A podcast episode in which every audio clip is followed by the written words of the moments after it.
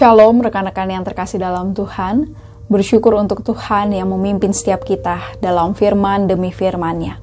Mari bersama-sama sebelum merenungkan firman Tuhan, saya mengajak kita untuk berdoa.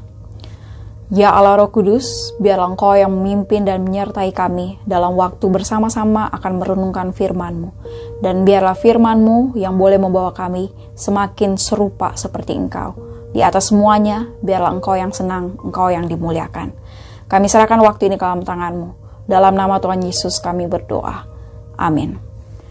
Firman Tuhan hari ini terdapat dalam kisah para rasul 6 ayat 8 sampai 15. Saya akan membacakan ayat yang ke-8 dan 10.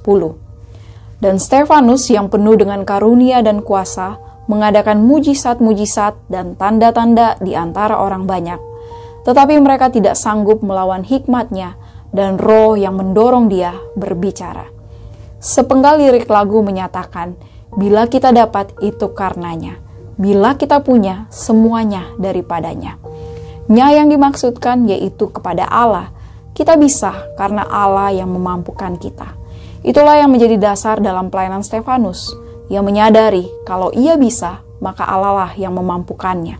Bahkan dalam menghadapi hambatan pelayanan yang terberat sekalipun, Allah lah yang memampukannya untuk melayani.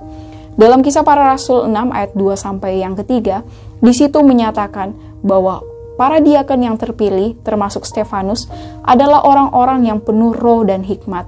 Ayat yang kelima menyatakan bahwa Stefanus adalah seorang yang penuh iman dan roh kudus. Di sini menyatakan bahwa Stefanus memiliki iman yang kuat yang senantiasa bersandarkan kepada Allah.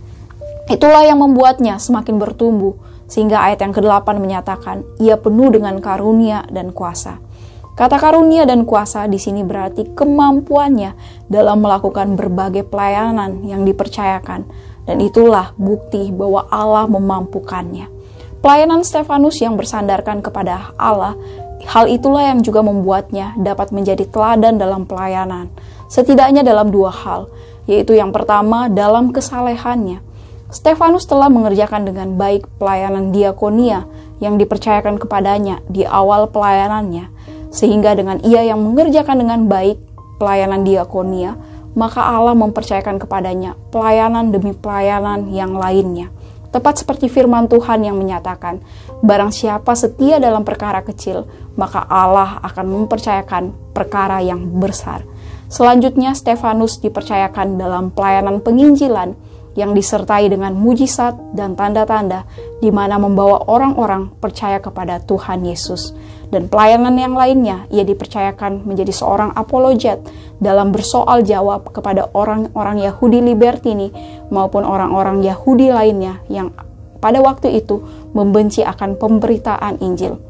Dan hal yang kedua, Stefanus juga dapat menjadi teladan di dalam keberaniannya ia tetap menghadapi orang-orang Yahudi Libertini maupun orang-orang Yahudi lainnya yang terkenal sangat menguasai akan hukum Taurat. Bahkan orang-orang Yahudi Libertini dikatakan bahwa sangat menguasai agama mereka dibandingkan orang-orang Yahudi lainnya.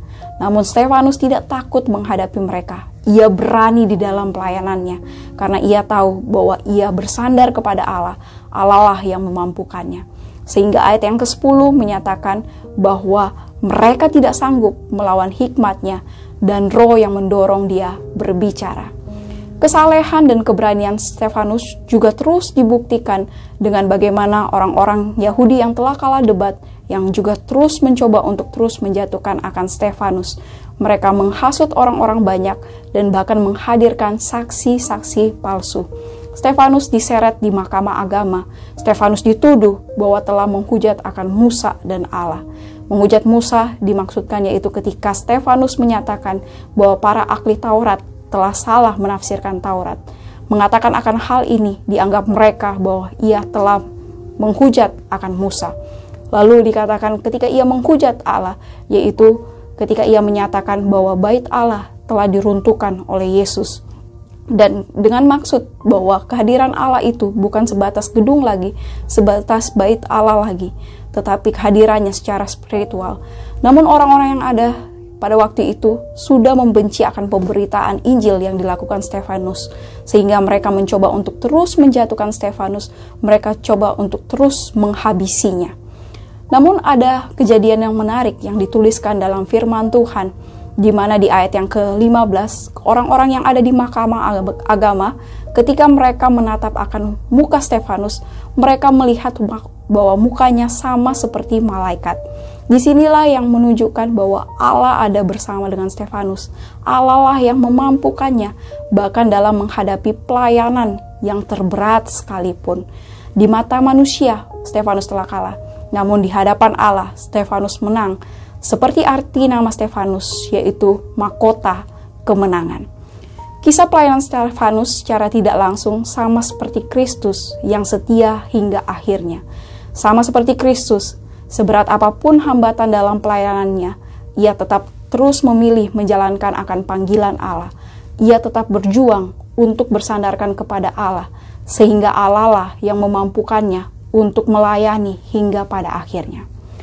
Maka rekan-rekan yang terkasih, bagaimana dalam kehidupan pelayanan kita? Adakah kita bersandarkan kepada Allah? Oh tentu, saya akan pelayanan kepada Allah kalau pelayanan itu terasa ringan-ringan saja. Tetapi bagaimana kalau sudah berat? Adakah kita tetap setia? Yang paling sering terjadi adalah pelayan Tuhan mundur dari pelayanan Tuhan.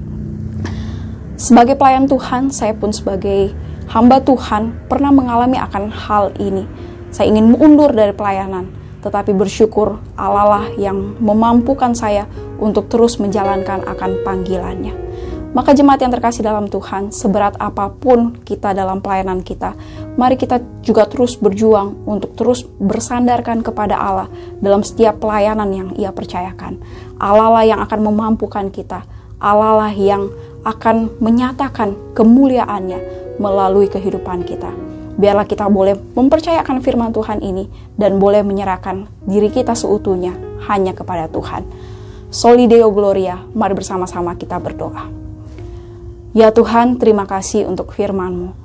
Terima kasih untuk Engkau yang mengingatkan kami bahwa pelayanan kami senantiasa biarlah juga boleh terus bersandar kepada Engkau di tengah berbagai pelayanan yang begitu banyak dinamika ya Tuhan.